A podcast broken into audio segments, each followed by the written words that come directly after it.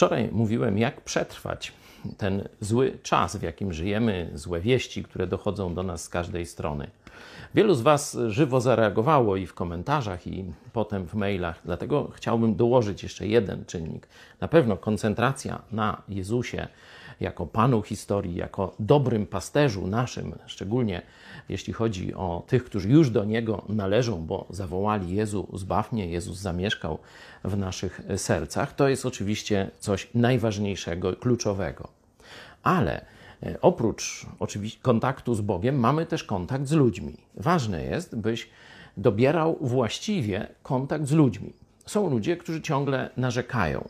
To, to jest, można powiedzieć, zatruwają Twój umysł w niedzielę mówiłem, że naukowcy już nawet odkryli, że narzekanie powoduje szkody w mózgu. Dlatego też słuchanie narzekania, czyli otaczanie się czy kontaktowanie się częste z ludźmi, którzy narzekają, którzy nie widzą możliwości zmiany, rozwoju, tylko e, mówią o tym, co się nie da, będzie i ciebie wciągało, tak jakbyś szedł do bagna, będzie, będziesz i ty, że tak powiem, malał, malał i e, twoja zdolność do e, działania, do zmiany świata będzie się zmniejszała. Dlatego bardzo ważne jest bycie w kościele chrześcijańskim. Bycie w kościele chrześcijańskim, który jest posłuszny Jezusowi Chrystusowi.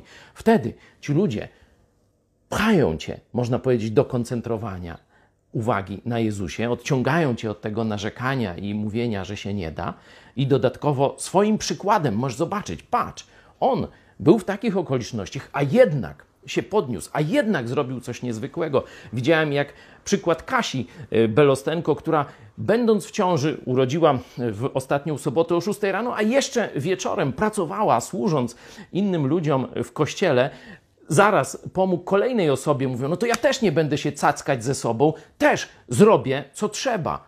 Pamiętaj, koncentracja na Jezusie i otaczanie się ludźmi, którzy Jego kochają i dla Niego działają.